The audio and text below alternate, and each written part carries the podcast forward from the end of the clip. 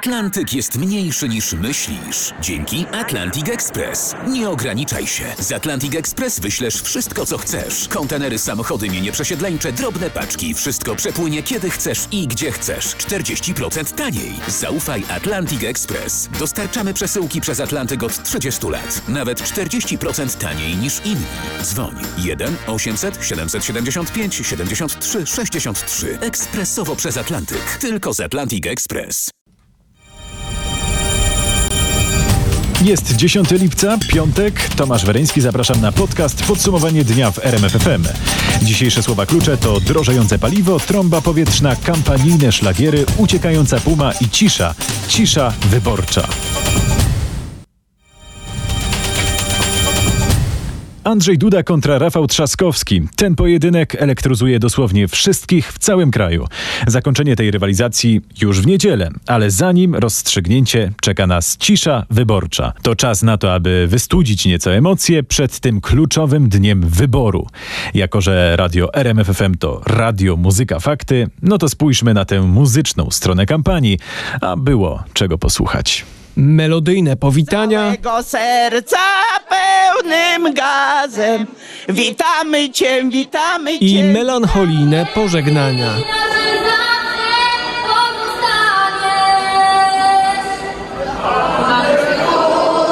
Kampania prezydenta miała zdecydowanie więcej dźwięków. Andrzejowi Dudzie górale grali na dudach.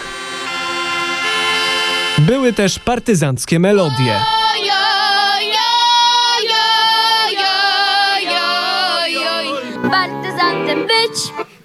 To dzika rozkosz, po lasach żywcem w błocie i gnić. ludowe przyśpiewki. To one połączyły obu kandydatów. Koła gospodyń wiejskich mogliśmy usłyszeć również na spotkaniach Rafała Trzaskowskiego i jego żony. W kampanii nie mogło zabraknąć też disco polo. Tu w wydaniu Trzasko Polo. Trzask, prask, ty prowadź nas do celu Mówi się, że od muzyki piękniejsza jest tylko cisza. Ta wyborcza rozpocznie się już o północy. No, mówi się także, że muzyka to także cisza. Czasem może nawet piękniejsza. W muzyczne akcenty kampanii wsłuchał się nasz dziennikarz Patryk Michalski. No i właśnie Patryka poprosimy również o przeanalizowanie dwóch scenariuszy. Najpierw, co dla układu politycznych sił w Polsce będzie oznaczało ewentualne zwycięstwo Andrzeja Dudy. W tym przypadku im większa będzie jego przewaga nad Rafałem Trzaskowskim, tym mniej dotkliwe będą rozliczenia w obozie władzy. Reelekcja oznacza taki model rządzenia, jaki znamy z poprzedniej kadencji. Prawo i Sprawiedliwość mogłoby mieć niemal stuprocentową pewność, że głowa państwa podpisze się pod miażdżącą większością ustaw, które trafią na jego biurko. Niewielka przewaga Dudy nad Trzaskowskim będzie oznaczała napięcia pomiędzy frakcjami koalicji. Solidarną Polską, porozumieniem stronnikami Mateusza Morawieckiego, a otoczeniem Jarosława Kaczyńskiego. Już teraz wyczuwalne są pewne napięcia i kuluarowe propozycje niewielkich przetasowań w rządzie. W ramach powyborczych rozliczeń można się spodziewać osłabienia ministrów z nadania Jarosława Gowina. Po reelekcji Jarosław Kaczyński oceni też zaangażowanie lokalnych struktur partyjnych. Patryku, a co dla obozu rządzącego oznaczałoby zwycięstwo Rafała Trzaskowskiego? Polityczne trzęsienie ziemi, rozliczenia sztabu, premiera, ministrów, najważniejszych polityków PiS i wojnę frakcji w Zjednoczonej Prawicy. Mateusz Morawiecki bardzo mocno angażuje się w kampanię Andrzeja Dudy, a więc odpowiedzialność za ewentualną porażkę spadnie także na niego. Konsekwencji nie uniknąłby również Jarosław Gowin, który chciał przełożenia majowych wyborów. Już teraz często wypomina mu to szef klubu PiS Ryszard Terlecki. Choć politycy PiS nie chcą słyszeć o porażce Andrzeja Dudy, to zapewniają, że władze PiSu wbrew pojawiającym się spekulacjom w takiej sytuacji nie będą chciały wcześniejszych wyborów parlamentarnych. Jednak jak słyszę nieoficjalnie, wyborcza porażka oznaczałaby poważną rekonstrukcję rządu, próbę wciągnięcia do niego niektórych polityków Konfederacji i PSL, żeby wzmocnić większość w Sejmie. To nasz reporter Patryk Michalski, dziękujemy. A teraz spójrzmy na bardzo ważną kwestię w kontekście prezydentury, mianowicie polityki zagranicznej. I tak, relacje ze Stanami Zjednoczonymi. Na tym temacie koncentrował się Andrzej Duda. Na kampanię pod tym międzynarodowym kątem baczniej spojrzał nasz dziennikarz Paweł Balinowski. Zdecydowanie najbardziej charakterystycznym elementem była wizyta Andrzeja Dudy w Waszyngtonie tuż przed pierwszą turą wyborów. Tam jak na dłoni było widać wsparcie Donalda Trumpa, który podczas wspólnej konferencji kilka razy powtarzał, że polski prezydent na pewno doskonale poradzi sobie w wyborach. Sam Andrzej Duda w kampanii wielokrotnie przypominał, że ma z Trumpem bardzo dobre relacje. Pan prezydent Donald Trump y, jest politykiem bardzo poważnym i wszystkie słowa, które padają w trakcie takich rozmów są bardzo istotne. W Waszyngtonie mówiono o wojskach amerykańskich w Polsce, szczepionce na koronawirusa i elektrowni jądrowej. Bez konkretów, co prawda, ale ta wizyta Andrzejowi Dudzie na pewno nie zaszkodziła. Prezydent rzadziej spoglądał w stronę Unii Europejskiej. Kiedy to robił, to albo krytykował Brukselę, albo mówił o unijnych pieniądzach, które chce zdobyć dla Polski. Zaskakująco mało było w jego kampanii wątków rosyjskich, poza dość ogólną zapowiedzią twardej polityki wobec Moskwy i koniecznością uniezależnienia się od rosyjskiego gazu w kontekście Nord Stream 2. A co usłyszeliśmy na temat polityki zagranicznej od Rafała Trzaskowskiego?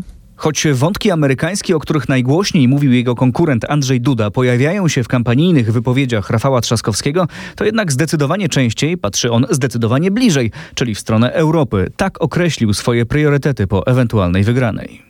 Ja chciałbym zaprosić e, do Warszawy e, prezydenta Francji i prezydenta Niemiec po to, żeby odnowić e, trójkąt weimarski. Natomiast w pierwszą podróż udam się do Brukseli.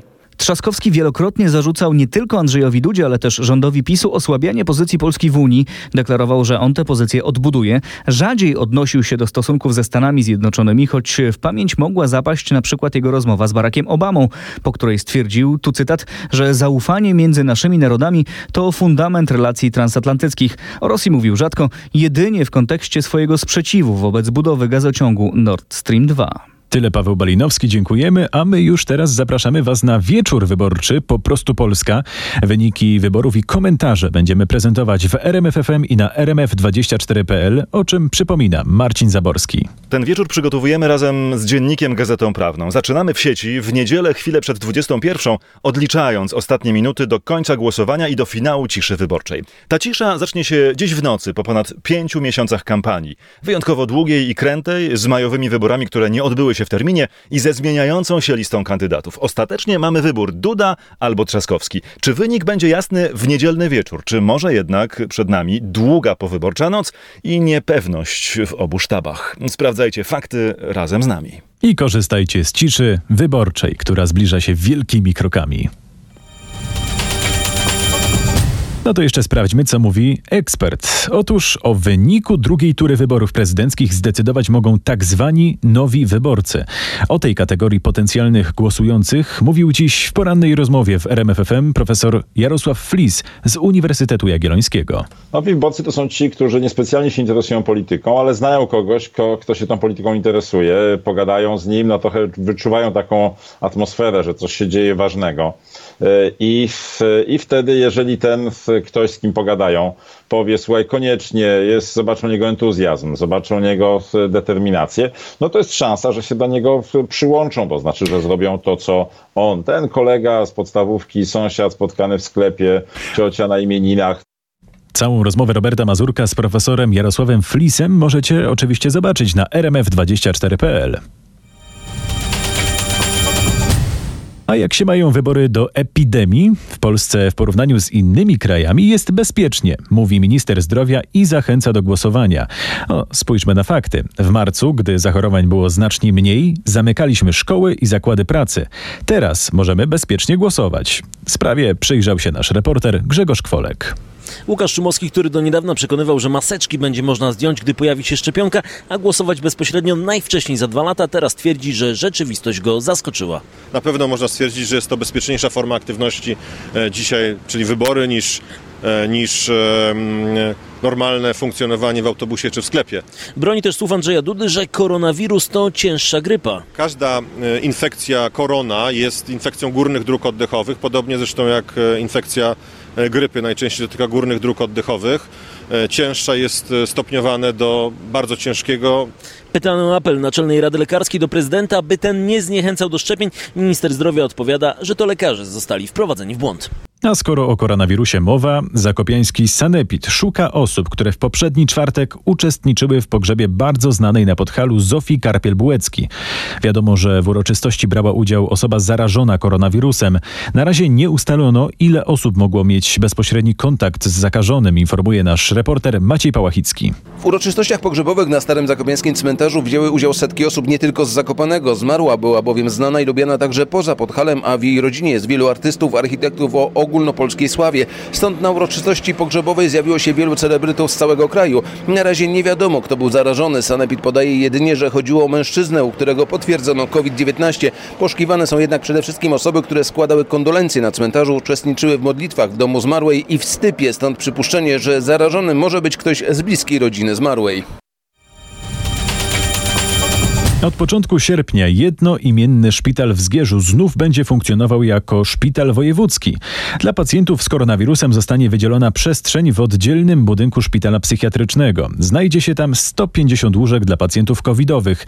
Natomiast główny budynek wróci do poprzedniej funkcji.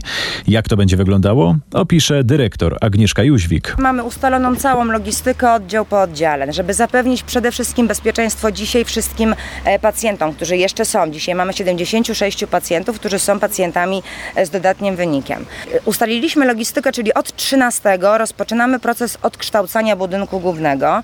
E, Musimy zacząć od dekontaminacji, ozonowania, likwidacji wszystkich śluz, które są dzisiaj na szpitalu, a jednocześnie malowania. No chcemy, żeby rzeczywiście w sierpniu, kiedy pierwszy pacjent, będę mówiła o pierwszym pacjencie ani niepodejrzanym, ani niezakażonym, trafi do, do szpitala, żeby czuł się w tym szpitalu bezpiecznie. Mówiła dyrektor szpitala w Zgierzu. A teraz dobre wieści. Adam Małysz nie jest już zakażony koronawirusem. Testy wykazały, że jestem zdrowy, napisał nasz mistrz na swoim profilu na Facebooku. Mogę wrócić do normalnego funkcjonowania oraz pracy, co bardzo mnie cieszy. Jednocześnie pamiętajcie, epidemia wcale się nie skończyła i ciągle trzeba na siebie uważać, podkreślił legendarny skoczek Adam Małysz. A od dziś koniec obowiązkowej kwarantanny po przebyciu na Wyspy Brytyjskie. Dotyczy to połączeń lotniczych, morskich i kolejowych. Złagodzeniem obostrzeń objętych zostało prawie 60 państw, w tym Polska, ale są wyjątki. Więcej o tym nasz londyński korespondent Bogdan Frymorgan. Na liście krajów zwolnionych z kwarantanny nie znalazły się Portugalia, Szwecja i Rosja z uwagi na stan zagrożenia epidemiologicznego, jaki tam panuje. Osoby, które przyjechały już na wyspy i są w trakcie przymusowej izolacji, będą musiały dopełnić regulaminowy okres 14 dni. Oznacza to jednak, że przez resztę lata Wielka Brytania stanie się bardziej atrakcyjna dla turystów z Europy, a i Brytyjczycy chętniej wyjeżdżać będą za granicę. Kwarantannę wprowadzono na wyspach przed miesiącem, znacznie później niż w innych krajach na kontynencie. A premier Słowacji Igor Matowicz nie wyklucza zaostrzenia środków zapobiegających szerzeniu się epidemii koronawirusa. Liczba zarażonych znów zaczęła rosnąć. Przedwczoraj było to ponad 50 osób, najwięcej od dwóch i pół miesiąca. Jednym z tych środków może być ponowne wprowadzenie kwarantanny dla osób powracających z niebezpiecznych krajów. Decyzje mają być podane w poniedziałek. Sześć osób, w tym dziecko, poszkodowanych po przejściu trąby powietrznej w Ustroniu Morskim. Żywioł porwał tam osiem domków holenderskich. Nasz dziennikarz Kuba Kaługa sprawdzał, w jakim stanie są ranni. W dobrym mieli ogólne potłuczenia i zadrapania, przekazał mi Tomasz Kubiak, rzecznik Zachodniopomorskiej Straży Pożarnej. Mimo to pięć osób, w tym wspomniane dziecko, zostało zabranych do szpitala. W sumie trąba powietrzna porwała osiem domków holenderskich. Niektóre poprzewracała, inne dosłownie zmiażdżyła, usłyszałem. Niektórzy z rannych byli przygnieceni drewnianymi elementami konstrukcji. Zniszczone zostały także dwa samochody. Trąba w Ustroniu Morskim to najpoważniejsze dziś zdarzenie w Zachodniopomorskiem w związku z przejściem frontu atmosferycznego. W sumie strażacy w regionie musieli interweniować 36 razy. Zdjęcia i filmy, na których widać skalę zniszczeń, a także samą trąbę powietrzną możecie zobaczyć na naszej stronie rmf24.pl. A teraz, no niestety, kolejne podwyżki cen paliw na stacjach. Tym razem średnio 5 groszy za litr. Eksperci ostrzegają, że w każdy kolejny weekend ma być drożej. Ile teraz kosztuje tankowanie? Szczegóły zna Krzysztof Berenda. A w tej chwili benzyna 95 kosztuje w kraju przeciętnie 4,23, olej napędowy 4,19, natomiast autogaz złoty 98. Podkreślam, że to są ceny średnie, no bo w różnych częściach kraju ceny są inne. Na przykład najtańszym województwem jest w tej chwili Śląsk, gdzie ceny są mniej więcej o 5 do 7 groszy niższe od średniej krajowej. Tanio jest także w Wielkopolsce, na Warmii i Mazurach oraz w Łódzkiem i Mazowieckiem. Najdroższa natomiast jest Kujawsko-Pomorskie, gdzie ceny są wyższe od średniej o 4 do 5 groszy. Drogo jest także na Podkarpaciu, Opolszczyźnie i na Pomorzu Zachodnim. Spodziewajmy się niestety, że słaby złoty i droga ropa będą te ceny podnosić, zwłaszcza po wyborach. Szef Rady Europejskiej Charles Michel przedstawił nowy projekt budżetu unijnego na lata 2021-2027. Polska może z niego otrzymać około 63 miliardów euro na odbudowę gospodarki w związku z pandemią. Te środki, jak i przyszłe fundusze strukturalne mają być jednak uzależnione od przestrzegania zasad praworządności. Nasza korespondentka Katarzyna Szymańska-Borgineu sprawdziła, jak to uzależnienie będzie wyglądać. Michel złagodził nieco zapisy dotyczące mechanizmu pieniądze za praworządność w stosunku do propozycji Komisji Europejskiej. Komisja chciała, żeby decyzje o ewentualnym zamrażaniu lub odbieraniu pieniędzy zapadały szybko i były łatwe, czyli żeby to kraj, którego dotyczy sprawa, szukał w Radzie Unii mniejszości blokującej taką decyzję. Michel zaproponował jednak zwykłą większość, co oznacza, że to Komisja Europejska będzie musiała szukać poparcia dla swojej decyzji. Nie spuszczamy głowy i nie przymykamy oczu. Zapewniał jednak Michel. Przypomniał, że w nowym budżecie będzie więcej pieniędzy, na przykład na walkę z dyskryminacją, a uwarunkowanie budżetu od przestrzegania państwa prawa i tak będzie mocno zapisane. A teraz niecodzienna akcja poszukiwawcza w Ogrodzieńcu w powiecie zawierciańskim w Śląskiem. Poszukiwana jest puma. Zwierzę miało trafić do zoo. Co wiadomo w tej sprawie? Informacje zebrała nasza reporterka Anna Kropaczek. Przed południem pracownicy ZOO Poznania chcieli zgodnie z wyrokiem sądu odebrać pumę właścicielowi i przewieźć ją do ogrodu zoologicznego. Nie udało im się to. Właściciel się nie zgodził i uciekł z pumą do lasu. Te informacje potwierdza policja w Zawierciu. Funkcjonariusze poszukują teraz mężczyzny i pumy. Ponad pół promila alkoholu w organizmie miał kierowca, który nad ranem w Bytomiu stracił panowanie nad autem i spadł ze skarpy na parking hipermarketu. Dwaj pasażerowie samochodu trafili do szpitala. 21-latek nie stracił prawa jazdy, bo go nie miał, ale grożą mu dwa lata więzienia. Zdjęcia rozbitego auta na parkingu znajdziecie na rmf24.pl. Wystartowała wyczekiwana od lat budowa północnej obwodnicy Krakowa. To jedna z najważniejszych inwestycji dla mieszkańców miasta i regionu. Nowa droga odciąży Kraków i jego południową autostradową obwodnicę, mówi minister infrastruktury Andrzej Adamczyk. To będzie droga bezpieczna, trzy pasy ruchu w każdym kierunku, bez kolizyjnych skrzyżowań, ale to przede wszystkim droga zapewniająca bezpieczeństwo i płynność przejazdu. Droga, która jest alternatywą dla południowego obejścia Krakowa, dla wszystkich tych, którzy jadą autostradą A4. Na pewno wyniesiony zostanie ten ruch, który koncentruje się na głównych ulicach Krakowa. Północna obwodnica ma powstać do końca 2023 roku. To jawna prowokacja wobec cywilizowanego świata. Takie jest stanowisko Ministerstwa Kultury Grecji wobec dzisiejszej decyzji Najwyższego Sądu Administracyjnego Turcji. Ten unieważnił rządowy dekret z 1934 roku, który przekształcił słynną świątynię Hagia Sofia w Stambule w muzeum. Zgodnie z dzisiejszą decyzją, jeden z najsłynniejszych budynków świata stanie się ponownie meczetem. Prawosławna Grecja oburza się na tę decyzję, bo aż do XV wieku mieściła się tam bizantyjska bazylika. 7 godzin, 27 minut i 20 sekund. Tyle potrzebował słynny hiszpański kolarz Alberto Contador, aby wjechać na rowerze pod górę na wysokość e, odpowiadającą wysokości najwyższego szczytu świata Mount Everestu. Tym samym Contador pobił o 2 minuty i 37 sekund dotychczasowy rekord, który należał do Australijczyka Lelana Mortona. Everesting to stosunkowo nowa konkurencja, która sięga początków lat 90. Zawodnicy wybierają wzniesienie, po którym jeżdżą w górę i w dół, aż osiągną od startu wysokość 8 848 metrów. Everesting szczególnie stał się popularny w ostatnich miesiącach podczas pandemii koronawirusa, która storpedowała kolarski kalendarz i wymusiła wielomiesięczną przerwę w startach. Robert Lewandowski kontra Leo Messi. Barcelona może zmierzyć się z Bayernem Monachium w ćwierćfinale piłkarskiej Ligi Mistrzów. Rozgrywki zostaną dokończone w formie turnieju rozegranego w sierpniu w Lizbonie. Starcie Bawarczyków z Barceloną to tylko jeden z możliwych hitów, informuje Wojciech Marczyk. Tak, ale oba zespoły by ze sobą zagrać w ćwierćfinale. Muszą jeszcze rozegrać mecze rewanżowe 1-8. Bliżej awansu jest na pewno Bayern, który 3 do 0 pokonał w pierwszym meczu Chelsea. Barcelona zaś zremisowała na wyjeździe z Napoli 1 do 1. Wszystko jest więc nic jeszcze możliwe i z Bayernem może zagrać zespół z Włoch. Na pewno w ćwierćfinale RB Lipsk zmierzy się z Atletico Madryt, a Atalanta Bergamo, rewelacja tej edycji Champions League podejmie PSG. Ostatnią parę ćwierćfinałową stworzą zwycięzcy meczów Realu Madryt z Manchesterem City i Juventusu Turyn z Lyonem. W pierwszych spotkaniach 1-8 Manchester pokonał 2 do 1 Real, a stara dama Wojciecha Szczęsnego przegrała na wyjeździe we Francji 0 do 1. Pierwsze mecze ćwierćfinałowe odbędą się 12 sierpnia. Dokładnie 155 lat temu bramy wrocławskiego zoo po raz pierwszy otworzyły się dla zwiedzających. W 1865 roku ogród zamieszkało nieco ponad 450 zwierząt, a dziś jest ich bagatela 12 tysięcy. Jakie trafiły tam jako pierwsze, to wie nasz reporter Paweł Pyclik. Na początku we wrocławskim ogrodzie były zwierzęta bardzo pospolite, lisy, sarny, myszołowy czy jastrzębie.